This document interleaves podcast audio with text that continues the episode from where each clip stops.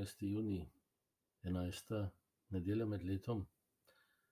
Danes nas Jezus preseneti s prispodobo semena, sebe pa božjo ljubezen primerja majhnemu semenu.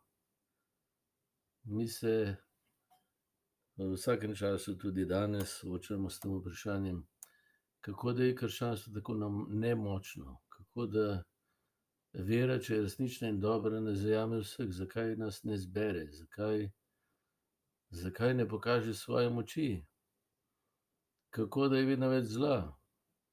Pa zakaj se je Jezus ukvarjal samo z dvanajsterico, da ni bil bolj pomemben, da ni zastavil na široko in na veliko, tako kot danes globalisti.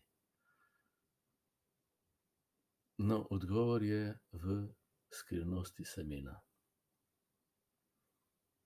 In sicer prva lastnost semena je, da iz neuspeha zraste uspeh. Torej Jezus umre in tako zajame vsako srce. Vsakemu se podari. in iz svoje skritosti, ko je položen v zemljo, razodene Boga, bolj kot pa vsi mikrofoni, ne vem, zastave, ne vem, kaj še vse, procesije in tako naprej. Iz skritosti razodene Boga, to je naslednja lastnost semena.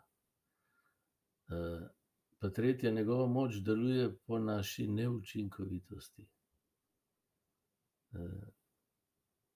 kmet seme vrže v zemljo, potem mora pa počakati, seme ima v sebi moč, zemlja ga samo nosi. Torej pri sadovih tega semena naša učinkovitost popolnoma nič ne pomaga. To je izredno težko dojeti, sploh v naši kulturi danes. In možakarjem se mi zdi še posebej, ker nismo uvedeni v velikonočno moškost, ampak v sebično in egoistično, ki se gre središče, ki se gre Boga, pa ni. No, in še zadnja lastnost tega semena je majhnost, v kateri se kaže resnična veličina.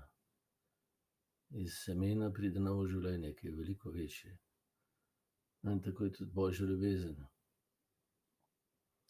ki ne želi zunanje moči, tega, da bomo vsi takoj pasti na kolena, ampak čaka na našo svobodo. ne uveljavlja se z velikostjo in močjo, kar je vir vsega zla med nami, ki hočemo biti vedno večji od drugega, ki je z nami, in kot smo v resnici. Potem se pa grizemo, obžiramo, tekmujemo, upehamo. Če imaš pa nekoga rad, pa postaneš majhen, da daš prostor tistemu, ki ga imaš rad. Jezus, sprejme mene, tebe in postane kot seme, se da pojesti, se da zaužiti. In v tem je veličina ljubezni. Da človeka ujame v njegovi zlaganosti, zlu, uničevalnosti, hudobiji in ga ljubi.